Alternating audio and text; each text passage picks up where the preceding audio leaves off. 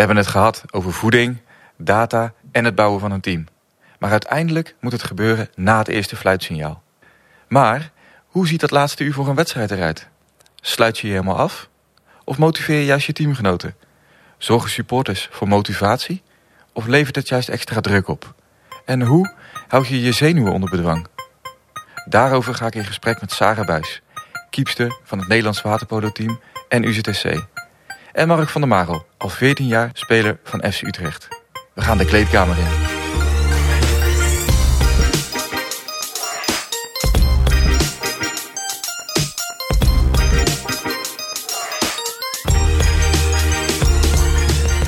Topsport draait om iedere dag 1% beter worden. Binnen FC Utrecht werken we daar elke dag aan. Hoe we dat doen en wat jij daarvan kan leren, hoor je in FC Utrecht Next. Mijn naam is Niek Amelink, innovatiemanager bij FC Utrecht. Elke aflevering ga ik in gesprek met twee experts over belangrijke elementen in de topsport.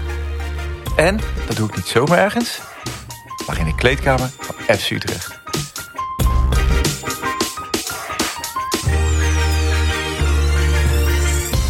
Sarah, voor een wedstrijd, wat heb je liever in de kleedkamer? Harde muziek of helemaal stil?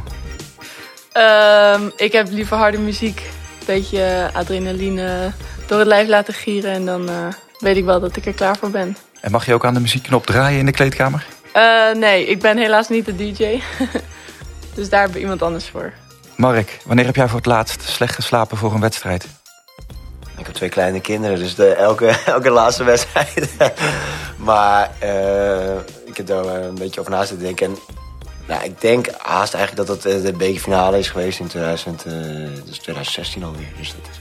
Tegen Feyenoord in de kerk. Ja, dus dat is even, even geleden, maar dat, dat staat me nog in ieder geval het meeste, meeste bij. Uh, Sarah, uh, hoe ziet er voor jou een, uh, ja, een week na zo'n wedstrijd ertoe uit? Meestal met het Nederlands team bereiden we ons heel erg goed voor op de tegenstander. Um, ja, we trainen twee, drie keer per dag. Dus um, meestal gaan we in de loop van de, van de week wat minder zwaar trainen. Dus in het begin van de week ziet het er heel erg uit met uh, veel krachttraining, veel uren in de gym. En daarna het water in om uh, veel meters te maken. Maar als we bijvoorbeeld de wedstrijd op zaterdag hebben, dan gaan we ja, donderdag, vrijdag vooral veel tactiek doen, zodat het niet nog al te zwaar is voor de wedstrijd. Maar twee, drie trainingen per dag. Ja. Hoeveel trainingen heb je dan in een week? Ja, we trainen meestal 20 uh, uur in de week. Dus ja, best wel veel. Ja, dat is pittig. En hoe, ziet dat, hoe is dat bij jou, Mark? uh, nou, wel enigszins vergelijkbaar hoor. Dus de, uh, in, in een normale week dan heb je op zondag gespeeld. En dan doe je op maandag een hersteltraining. En dan uh, heb je of daarna vrij, de dag daarna vrij of de dag daarna. En dan ga je het midden van de week inderdaad harder trainen. En daar heb je je conditionele prikkel. ook gekoppeld aan krachttraining. Niet drie keer op een dag, maar ik denk één of twee keer. Um, en dan naar, naar het einde van de week toe weer tactisch. Dus eerst een plan, uh, van tevoren informatie en dat, daar een vertaalslag naar uh, uh, maken op het, op het veld. Dus je wordt in die zin ook wel op dezelfde manier klaargestoomd, denk ik. Ja, dus het gaat echt van fysiek trainen, zeg maar, sterker worden, langzaam steeds meer naar het tactische, volgens mij. Klopt dat? Ja, ja, zeker. En wat vind je het leukste type training? Um, ja, ik denk toch wel de schiettraining. Want ik ben keeper, dus ik vind dat wel leuk als ik veel ballen mag stoppen.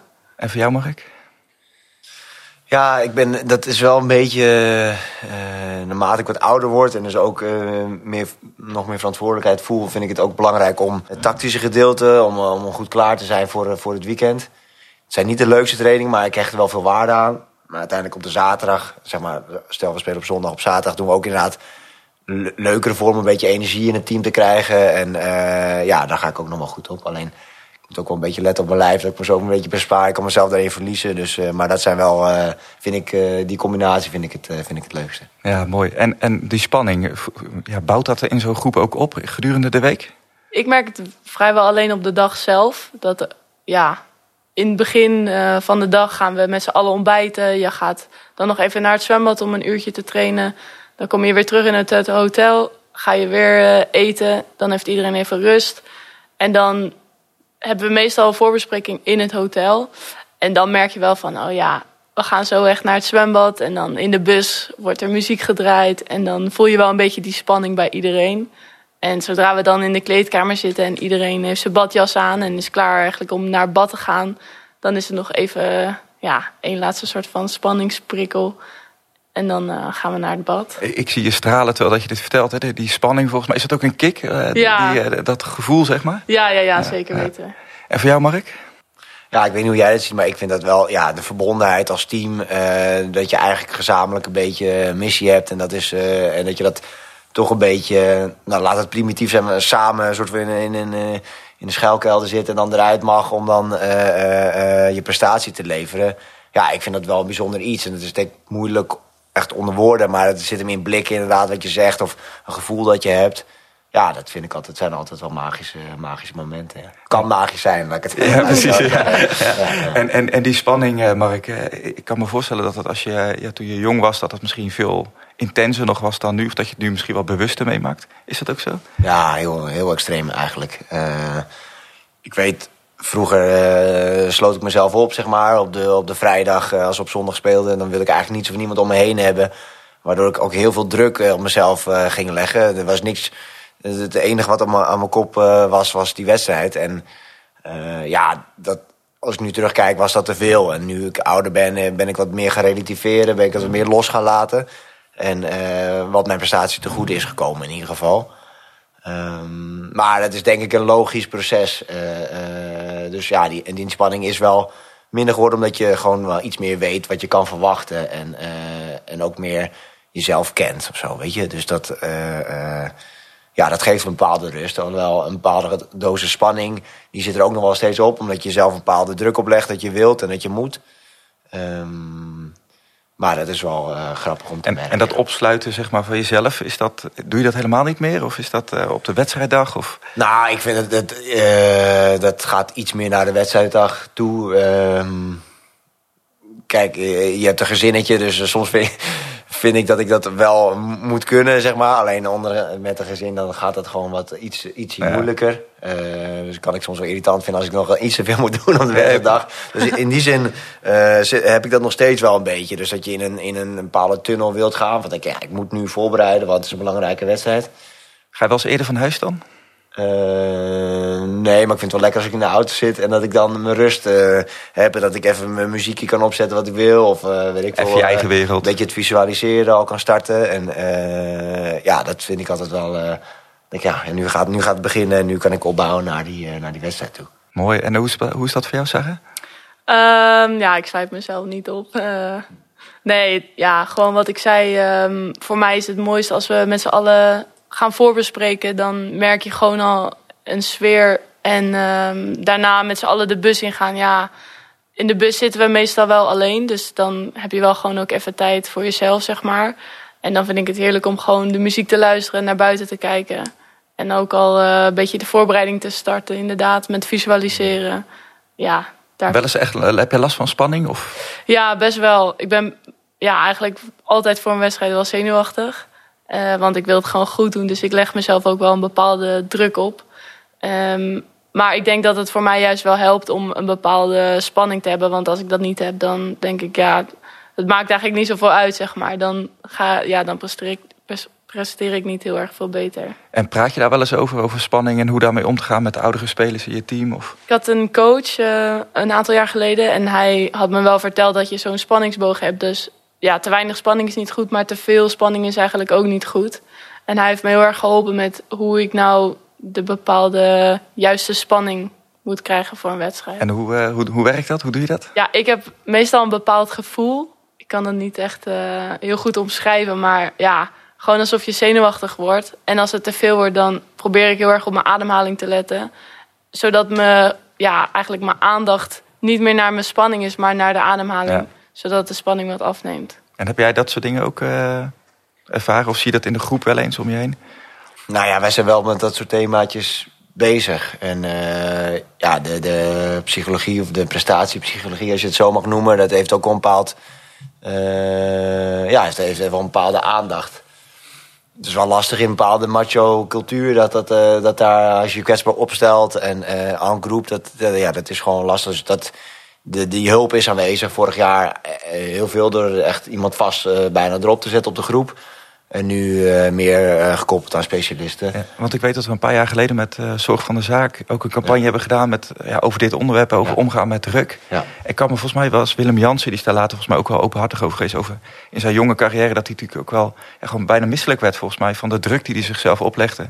Als naar de wc ging, gewoon de druk. Zij dat, zij, wordt daar meer over gesproken in de kleedkamer? Is daar meer aandacht voor tegenwoordig? Ja, ik weet niet hoe het jullie is, maar ik, ik denk niet daar wordt niet echt per se over gesproken. Dus dat sluimert uh, uh, eigenlijk tussendoor. Feit dat je met iemand praat of spreekt erover. Nou, recent voorbeeld van Dumfries. Ja. ja, dat, daar is wel meer acceptatie voor. Dus die taboe is wel een beetje er vanaf. Ik merk alleen wel dat dat nog steeds wel een beetje weerstand geeft. Op het moment dat je dat aangroep bijvoorbeeld aankaart. Of dat gebeurt niet zo snel. Maar ik denk dat je dat gewoon ook, uh, wat jij bijvoorbeeld met je coach had, of dat je uh, met een maatje op dat moment eventjes zelf, oeh, ik zit er nu niet zo lekker in. Dat, je, dat, dat daar iets meer ruimte voor is, in ieder geval. Ja. En uh, hoe, hoe zie jij dat ook zo? Ja, er wordt niet echt heel erg over gesproken, inderdaad. Is er in de waterpolo aandacht voor? Is, ja, zijn daar genoeg mensen ook in zo'n staf? Ja? Ja. Ja. er is ook een psycholoog bij ons in de ploeg. Ja. Uh, maar er wordt wel eens af en toe een grapje gemaakt voor, voor de wedstrijd. Van, oh, ik ga even naar de wc. En dan uh, weet iedereen al wel genoeg. Zeg Hoe ver het is. Ja. ja. Wat is jouw belangrijkste wedstrijd tot nu toe in je carrière geweest? Of je grootste wedstrijd? Nou, uh, afgelopen zomer heb ik een bronzen medaille gehaald op het WK. Ik denk dat dat wel een hoogtepunt is. En die halve finale, finale of de troostfinale, wat was dan de... Of hoe werkt dat anders bij jullie? Ja, troostfinale ja, inderdaad. toch? ja. Uh, hoe, uh, kan je omschrijven hoe die wedstrijd ging? Uh, ja, we stonden achter eigenlijk tegen... We moesten tegen Italië spelen. In de eerste twee periodes kwamen we achter. En een waterpolo-wedstrijd heeft vier periodes. Um, en in de derde periode ging er een soort van knop om. En ja, iedereen liet heel erg veel strijdlust zien. En alles ging eigenlijk een beetje zoals het zou moeten. En hoe was het in die kleedkamer voor de wedstrijd? Nou, het viel eigenlijk best wel mee hoe gespannen iedereen was, naar mijn idee. Ja, en als je dan in het, in het zwembad komt en je doet je warming-up op de kant, dan gaat er muziekje aan en dan is iedereen wel van ja, we gaan zo beginnen. En was je dan, wat je had het net ook over visualiseren, was je dan al heel erg bezig met die plak die je dan uh, zou kunnen? Uh, nee, eigenlijk niet zozeer. Nee? Uh, want ja, het belangrijkste is dat je gewoon in je focus blijft en bij je taak en niet al bij het eindresultaat. Is dat ook iets wat, waar dan heel erg de nadruk op gelegd wordt door zo'n een psycholoog of trainer, coach? Van, gewoon met die wedstrijd? Ja, ja, meer van uh, je moet niet denken aan wat je kan verliezen of kan winnen. Je moet gewoon bezig zijn met wat je moet doen. Ja. Was dat ook, uh, want jij vertelde bij de introductie natuurlijk dat je de nacht voor de bekerfinale wat minder geslapen had. Kwam dat ook daardoor misschien? Of als je daarop terugkijkt? Of? Um, ja, ik denk dat je, of dat ik, dat was mijn grootste wedstrijd tot op dat moment. En dat daar feitelijk een prijs uh, uh, te winnen viel. Ja, dat had ik niet. Nou, we hebben wel voor Europees voetbal gespeeld en dat ook gewonnen, maar ik heb dat niet. Ik had dat niet eerder zo meegemaakt en ik kon daar toch wel mee worstelen met die, met die druk. Um, dus dat was, was gewoon heel leerzaam. Ik, ik speelde ook een, een, een dramatische wedstrijd eigenlijk. Dus nu terugkijkend uh, heeft het me veel gegeven, veel lessen. Niet, niet een prijs, niet een tastbare prijs, maar wel, uh, wel een hoop ervaring. Ja, want als we deze, dit jaar die bekerfinale gaan spelen, wat, ja, wat, wat neem je dan mee? ja, dan ga ik, ga ik drie keer scoren en ga ik lekker slapen. Ja, precies. Zelf eerst opsluiten. Ja, nou, ja, daar moet ik dus een beetje mee oppassen. Ja. Maar nou, dat, is, dat is wel leerzaam voor mij geweest. Dat ik heel erg, uh, heel erg kon focussen, te veel kon focussen. En, en precies uh, die spanningsboog waar jij het net over had. Ja, dat, is, dat, uh, ja, dat werkte averechts eigenlijk. Want hoe ziet zo'n laatste, hè, je bent dan in de Kuip, hoe ziet dat, dat laatste uur voor zo'n wedstrijd, hoe ziet dat eruit? Ehm, nou ja, goed, je gaat... Uh, eerst, je komt aan en dan ga je uh, het veld op in mijn geval. En ik heb er wel een soort van vaste stramine in of een vast idee hoe ik dat het liefste wil. En dan ga ik in het veld een beetje een rondje lopen en dan ga je die sfeer een beetje uh, opzuigen. Um, alleen ik weet nog heel goed dat het eigenlijk toen benauwde het mij heel erg. Dus ik dacht, ja, ik was bang om fouten te maken in plaats van ervoor open te staan om het tot me te nemen en ervan te genieten. En van we gaan het gewoon doen, ik ga mijn best Ja. doen. En eh, ik focus op mijn taak en eh, het benauwde me. Dus de angst om fouten te maken. Dus dat, dat weet ik nog heel goed. Maar goed, en vervolgens daarna ga je naar binnen en dan mag je je eigen voorbereiding doen. eh, tapen, eh, ehm, op een matje jezelf je eigen oefeningen doen. En half van tevoren ongeveer, dan ga je aan groep naar buiten. Heel eh, kort door de bocht, weet je. En daarbinnen heb ik in ieder geval altijd mijn maniertjes wel om, eh, eh, om een bepaalde vertrouwen weer te krijgen. Of in ieder geval een bepaalde rust te vinden van oké, ja, dit, als ik deze, manier, deze dingetjes op deze manier doe. Welke maniertjes zijn dat? Ja, nou, dus in hele kleine dingetjes. eh, Is je linkerscheen beschermen? nou, rechts in mijn Ja, geval, ja. ja, dus ja. Dat, en een beetje dezelfde oefeningen op het matje doen. En ook eerst altijd rechts beginnen, naar links. Een beetje dezelfde chronologie qua tapen. En, eh, Heb je ook bijgeloof, Sarah? Eh, ik had het heel erg, maar ik ben er een beetje van afgestapt. Wat had je? Goed zo. Ja. ja, ik had eigenlijk dat ik voor de wedstrijd al helemaal in mijn eigen bubbel ging zitten. En dat ik het liefst met niemand wilde praten. Maar ja, ik ben er een beetje van afgestapt. Ook omdat ik dacht, ja, het is ook een beetje ongezellig. Ja, ja. En eh, ja, dat je toch wel, als je dat niet doet, dat het ook goed kan gaan in een wedstrijd. Hoe eh, laat je dat tot je komen dan? En wat voor resultaat heeft dat gegeven, die verandering? Eh, ja, ik dacht een keertje gewoon van, ik ga proberen om het helemaal anders te doen. Ja. Ehm, Want hiervoor zat je met de koptelefoon op, zeg maar. Ja, oké, ja. En eh, ik kreeg best wel stress ook als, als ik dat niet deed, zeg maar. Dan Ja. dacht ik, ja, ik heb Ja. nu geen goede wedstrijdvoorbereiding. Ik weet niet of je dat zelf ook hebt. zeker, ja. Ik denk, eh, als ik een slechte warming heb, ah, dit wordt helemaal niks. Weet Ja. je. Terwijl, ja, dat is natuurlijk niet zo. Nee. Maar daarna ben- dacht je van, nou, ik doe de koptelefoon af en ik ga gewoon praten met mijn teamgenoten. Of Ja. in ieder geval, eh, of met de fysio's of eh Ja. wie het ook is. Ja. En dan eh, kijken of het ook goed gaat in de wedstrijd. En toen ging het ook prima. Dus ik dacht, ja, ik kan het ook op deze manier doen. Ja. En zie je nog als teamgenoten nu met een koptelefoon op zitten waarvan je denkt... Nee, eigenlijk nooit. Nee? Nee. En hoe is dat bij jou, Mark? ja, bij ons wel. Ja? Ja. ja. Ja, iedereen heeft zijn eigen voorbereiding. Dus dat, dat, eh, dat heb ik wel losgelaten. Omdat eh, eh, je wilt dat ergens, weet ik ook, vanuit een trainer nog stimuleren. Dat ze zeggen van oké, uur voor de wedstrijd eh, gaan al die telefoons weg, koptelefoons weg. Eh, en eh, je moet met elkaar bezig zijn. Alleen ja, dat op die manier ehm, eigenlijk een beetje afdwingen, ja, dat werkt een beetje averechts. Weet je, want iedereen heeft zijn eigen voorbereiding. eh, is toch ook een individu in een team. Dus dan moet je maar gewoon een beetje laten. Alleen dat is wel moeilijk. eh, dat is echt balans, lijkt me ook. Hè? dat is Zoeken moeilijk, tussen eh, ja. ja, team en individu. En ja, Zeker. wanneer ben je een geheel, wanneer doe je dat samen, wanneer, wanneer niet. Ehm, eh, heb je een moment gehad dat een team... dat je eh, ja, in die kleedkamer was voordat je naar het bad ging... dat je echt denkt, ja, dit, dit voelt goed, weet je. Vandaag, dit wordt hem. Ja, ja. ehm, even denken. Ja, voor de wedstrijd eigenlijk wel tegen, tegen Italië. Ehm, we hebben namelijk allemaal een badjas aan voordat we naar het zwembad gaan, zeg maar. En eh, iedereen wacht dan totdat iedereen klaar is met omkleden, zeg maar. En dan staat iedereen in zijn badjas. En dan zegt onze aanvoerder van, eh, zijn we er klaar voor? En dan, nou, dan schreeuwen we natuurlijk allemaal ja. Dan voel je wel echt zo'n eh, bepaalde sfeer. Dat was ja. zo'n moment dat je Italië gaan we Ja, pakken. Ja. En bij jou, Mark, heb je wel zo'n wedstrijd gehad dat je dacht... ja, wat ik nou in die kleedkamer voel, dat is... Ja, vandaag gaat het gebeuren. Ja, ja dat, dat, dat eh, merken we. We hebben het toen in de halve finale van Ajax zeg Ja, maar, precies. gewonnen. Ja. Bijvoorbeeld, dat, dat, dat, dat weet ik nog wat voor dingen. En toen stond er best wel druk om, want we verloren van RKC eh, Ja. zondag ervoor.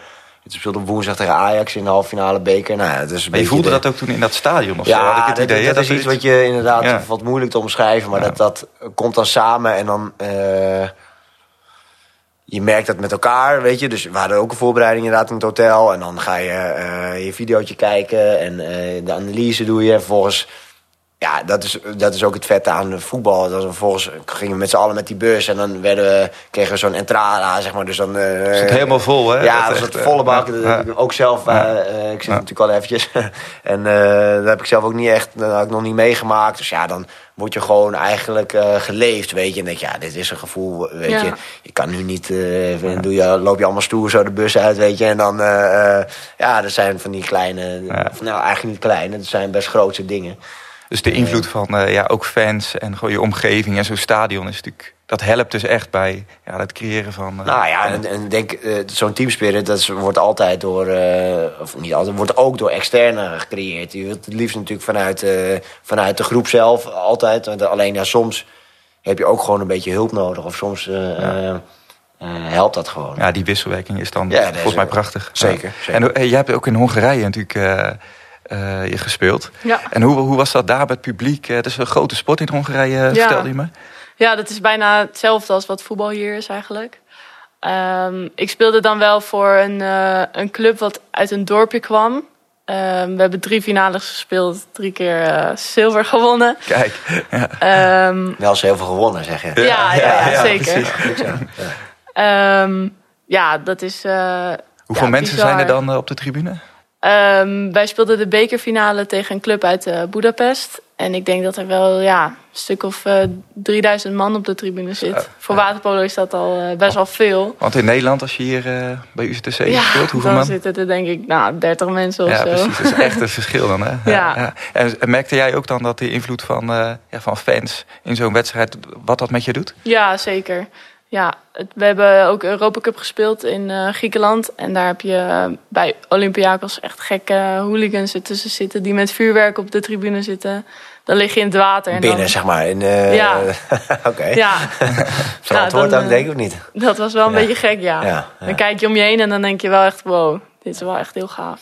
En he- helpt dat jou ook? Ja, Ja, ja, ja, die- ik krijg wel echt meer energie ervan op een of andere manier. Dus we moeten een oproep doen eigenlijk aan de supporters Ja. van FC Utrecht om eh, Ja, volgende... om eh, even een hoekje, Ja. hoekje af te slaan. Ja. Ja, Ja, leuk. We gaan eh, hier zo meteen verder over doorpraten. In, eh, ja, over wat eh, de- ja, dat gouden uur voor jou kan betekenen als, als luisteraar, als trainer, als coach. En hoe je daar invloed op kan uitoefenen.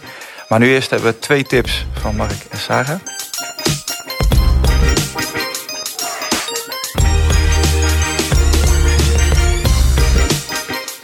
Sarah, welke serie of docu heeft jou geïnspireerd rondom dit onderwerp? nou, ik vind The Last Dance op Netflix wel echt eh, een hele goeie. The Last Dance, kan je daar wat meer over vertellen? Eh, ja, het gaat eigenlijk over eh, het basketbal in eh, Amerika. Eh, met vooral Michael Jordan, die eh, natuurlijk super bekend is en eh, echt een leider. En eh, ik vind dat wel goed aansluiten bij dit onderwerp. Ik zie jou knikken, Mark. Nee, het was heel cool om, de, om te kijken wat... eh, ja, dat, op zo'n podium en wat de teams, eh, wat, een, wat het betekent voor een, eh, een, eh, een leider in een team. En eh, eh, ja, wat er allemaal bij komt kijken. Eh, dat is allemaal vrij complex. En eh, dat is heel mooi, eh, mooi samengevat, denk ik. Want dat is ook wel mijn eh, vraag aan jou, Mark. Welke trainer heeft jou het afgelopen seizoen het meest verrast rondom dat gouden uur? Ik kan één eh, eh, individueel moment kan ik me herinneren. Ehm, waarbij we die play-off speelden voor AZ, zeg maar. Dat we 3-0 achter stonden en uiteindelijk eh, die wonnen met, met Den Haag.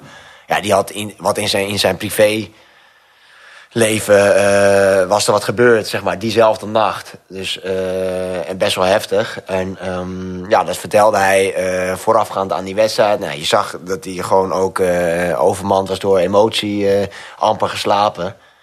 Eh, ja, en dat, dat, zulke menselijke dingen, los van eh, hoe je professioneel met elkaar samenwerkt, ja, dat, dat triggert zo enorm. Dus dat, dat is een van de grootste momenten die is mij, mij, mij is bijgebleven. Eigenlijk wel het grootste moment. Ehm, En daar ontstond toen in die groep wat... ja, toen dacht je, oh, Ja. dit maakt zoveel indruk. Dit gaan we nu eh, goed maken. Terwijl je eigenlijk 3-0 achter stond tegen AZ, wat boven ons stond eigenlijk. En eh, eigenlijk een beetje Mission Impossible. Dus daar, dat was een heel, heel bijzonder iets. En ja, daarnaast moet ik ook zeggen dat Rick Kruis, eh, ja, die heb ik, eh, dat is onze assistent trainer, die is nu bij VV Venlo.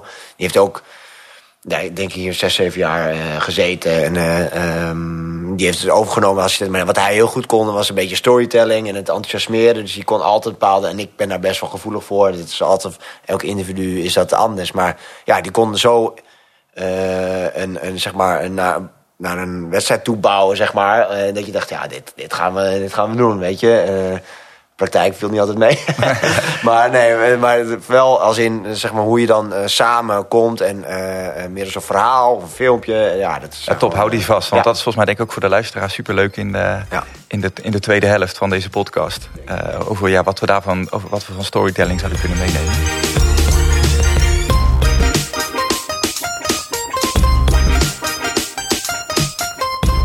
Gaan nu naar, die, eh, naar de tweede helft over wat het gouden uur voor jou als luisteraar kan betekenen. En over storytelling gesproken en zo'n zo'n uur voor de wedstrijd. Als jij trainer van een amateurclub hier in, eh, in de regio zou zijn, hoe zou jij dan dat laatste uur eh, ingaan? Ja, dat vind ik best wel lastig. Ik ben denk ik geen trainer in, uh, in hart en nieren. Um, maar ik denk dat je moet zorgen dat je aan de voorkant gewoon uh, duidelijk hebt... oké, ja, wat is het plan en uh, hoe gaan we dit hoe gaan we Dan Wil je eigenlijk in de week al, of in je afsluitende training... wil je dat gewoon duidelijk hebben. Dus dat daar niet te veel ruis over is... je hebt je meeting, denk ik, op het moment dat je samenkomt. Dus dat je nog een keer er doorheen loopt. En vervolgens denk ik dat je het allemaal vrij moet laten. Dat je zijn eigen voorbereiding kan doen. En dan vlak voordat je, voordat je de warming-up hebt... Uh, misschien nog een aantal pointers aangeven. En, ja, en dan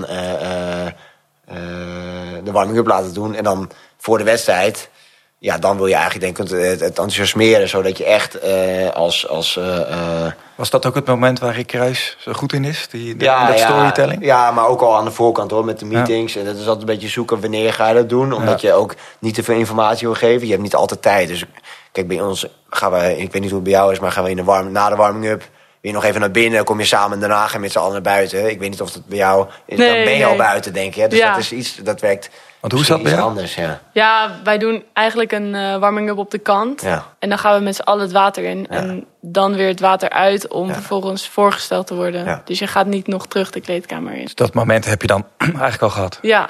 Ja, dus dat komt bij jullie voor de warming-up eigenlijk. Ja, bij ons uh, zijn er iets meer, meer momenten. Maar dan ik, ik denk dat ik, en ik weet niet hoe dat per se een amateur, maar daar moet je denk ik een beetje naar zoeken. Dat je in ieder geval je geraamte, dat dat klopt, dat je weet wat je allemaal gaat doen. En dat je vervolgens uh, op gebied van storytelling of een video. Heb je een voorbeeld van storytelling? Wat, wat, wat kan ik me daarbij voorstellen? Neemt hij je mee in een, in een wedstrijd, in een beeld? Of, nou ja, in het, in het, zeg maar, bij ons in vaak op de emotie of, of, of wat een een tegenstander, in het geval van Ajax uh, bij ons, uh, wat dat betekent om, om voor Utrecht te spelen tegen Ajax. Of in geval van de, de afgelopen play-off finale tegen Feyenoord. In hoeverre wij, toen zijn we eigenlijk aan de voorkant best wel een beetje benadeeld. En misschien een beetje kalimerend gedrag, maar in ieder geval dat wil je dan uh, wel aanboren van... oké, ja, we zijn eigenlijk benadeld, we moeten het nu goed maken... en uh, wat betekent dat voor de supporters... en die koppeling vervolgens aan. Ja, gewoon situaties creëren om eigenlijk gewoon eh, ja, extra motivatie ja, te zorgen. Ja, een verhaal erachter en dan kan je altijd verschillende thema's voor, voor kiezen. Heb jij daar een goed voorbeeld van een trainer... waarvan je dacht, ja, die heeft ooit iets gedaan... nou, dat zou ik nou echt de luisteraar willen meegeven. Ja, dat is, dat is top. Um... Nou, dan moet ik wel even denken. Of iets wat je, of hebben jullie wel eens meegemaakt dat je een trainer iets hebt zien doen? Of iemand eromheen in, in, voor zo'n wedstrijd dat je echt dacht, je hoeft geen namen te noemen, maar, maar van, ja, dit, dit zou ik nou echt nooit doen. Ja, we hadden wel een coach en hij had best wel lange voorbespreking. en ja. Uh, ja, soms raak ik daar best wel mee in de knel, omdat ik gewoon mijn eigen voorbereiding ook wilde doen. En er was één wedstrijd waarbij hij super lange voorbespreking had. En dat we eigenlijk geen tijd meer hadden voor onze eigen warming-up. En toen, Wat is een lange ehm, voorbereiding uh, voor jou? Voorbespreking voor jou? Um, ja, de meeste coaches die doen rond uh, bij ons, zeg maar, voor de wedstrijd, um, ja, 10, ja, 15 minuten ongeveer. dus dan herhaalt hij eigenlijk de belangrijkste punten vanuit de video en uh, geen nieuwe informatie nog meer extra. Ja. maar deze coach, ja, ik denk dat hij misschien wel een half uur aan het praten ah, was. Ja, en nou, mijn ja, maar ja, wel af na een kwartiertje of ja. minuten. Ja, ja, dat is wel logisch. Heb jij zo'n moment wel eens gehad, uh, misschien niet hetzelfde, maar wel eens iets gehad... Of zo, dat een trainer iets probeerde, maar dat het gewoon niet werkte? Nou, het zit wel een beetje in diezelfde hoek. Of dat wij, wij komen dan samen in de rust en dan... Ja, dan, dan heb je eigenlijk, ja, dan komt er zoveel samen. Met name als het slecht gaat, heb je, ben je, zoek je naar een bepaalde grip of houvast. Ja, en als het dan lang duurt en, en vervolgens uh, heb je daarna... Dus dan kom je binnen, eerst de emotie eruit. Vervolgens heb je eigenlijk, wil je, oké, wat is er gebeurd? Wat gaan we nu doen? En vervolgens dat je nog even zelf uh, uh, nog even wat kan eten of klaar kan maken om er weer eruit te gaan. Dus een kwartiertje. Ja, als dat, dat aan de voorkant heel lang duurt voordat het plan er komt... en vervolgens is het plan niet goed... en vervolgens heb je dan ook geen tijd meer om... Ja, dan, wat, wat voor gevoel ga je dan de tweede helft in? Ja, dat soort dingetjes. Eigenlijk heb je altijd bepaalde leiderschap nodig en dat moet gewoon raken. En dat, ja. Uh, uh, ja, dat kan soms wel eens uh, anders En als je dan geen tijd hebt voor jezelf in de rust, raak je dan ook een beetje in de stress of iets? Ja, nou, ik raak gewoon geïrriteerd. Dan denk ik, ja, ik kan niet eens normaal nu even nog naar het toilet en een banaantje eten, bij wijze van. Want we moeten altijd, dat is, dat is gehaast, weet je. Dus dat, dat, dat, ja, dat is gewoon, is gewoon irritant. Ja. Het inzetten van video's wordt ook wel eens gebruikt, hè? dus motivatievideo's. Hoe, hoe kijken jullie daarnaar? Ja, ja, mij raakt dat meestal wel. Wij hadden wel ook een coach en hij had een stuk van The Pursuit of Happiness laten zien. dat gaat eigenlijk over een, een man die in principe niet heel veel geld heeft, maar wel een zoontje die hij ja, wilt op laten groeien. En hij kijkt eigenlijk naar alle mooie dingen in het leven. En onze coach had dat een klein stukje daarvan laten zien voor een wedstrijd. Ja, dat raakt mij gewoon enorm. Waarvan ik denk, nou, die man is gelukkig met... met weinig. Ja. ja. En, en, deed hij dat voor een speciale wedstrijd? Of was dat ja, gewoon, voor... Um, dan konden we eerste worden op het Wereldjeugdkampioenschap. Kijk. ja, daardoor raak je ook gewoon zo erg gemotiveerd en geïnspireerd dat je denkt, nou, als die man gelukkig is met niks en ik mag hier een finale spelen, dat is echt super gaaf. En wonnen jullie die wedstrijd? Nee, helaas niet. Okay, het ging wel lekker de wedstrijd. Ja. en voor jou, Mark, heb jij wel eens een, uh, een videoboodschap of iets uh, gehad? Uh, ja, nou, ik had die van jou trouwens nog nooit gehoord. Dus dat is wel mooi, mooi iets. Ook voor amateurtrainers, hè? Nee, uh, ja, nee, dat hebben wij ook wel gehad. Um, ik kan me nog herinneren tegen Vitesse in de play-offs. De, de laatste, zeg maar de return. Toen hadden we gelijk gespeeld heen. Moesten we terug. Dat was 2019 volgens mij. Onder dik advocaat was ja, Ja, ja, zeker. Um, nou, toen hadden we eigenlijk eh, bij de heenwedstrijd hadden we een filmpje van onze familie uh, gekregen. Dus dat elke, uh, voor, voor iedereen persoonlijk dan een, een bepaald bericht uh, kwam. Nou, ik ben daar zelf wel gevoelig voor. Ben wat dat betreft ook een sulletje, weet je. En dan zie je elkaars familie aan het woord of kinderen. En zie je gasten breken. En zeg maar, ja, dat is gewoon, dat, dat, ja, dat, dat neem je gewoon mee. En voor die return, ja, was voor mij speciaal. Van, ook vanuit de mediaafdeling is er een filmpje gemaakt met, met met een mooie voice-over. Met ja, Make It Count, dat weet ik nog heel goed. En een hele goede Amerikaanse stem. En vervolgens gekoppeld aan beelden van ons. Onze, onze, onze goede beelden. En het is een beetje, ergens een beetje zoetsappig. Maar ik ben er altijd wel heel gevoelig voor. Om, voor dat ze, want ja, ik, ik ben een speler die ook het van de verbondenheid wil hebben.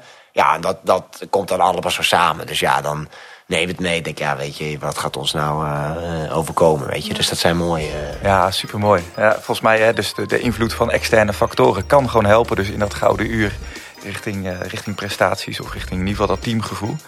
Ik wil jullie bedanken voor deze podcast. Voor de inspiratie en ja, hoe ook anderen kunnen helpen bij, ja, bij dat gouden uur. En, en ja, super bedankt.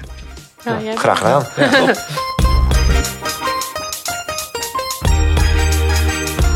En jij bedankt voor het luisteren. Vergeet ook niet onze eerdere afleveringen te luisteren.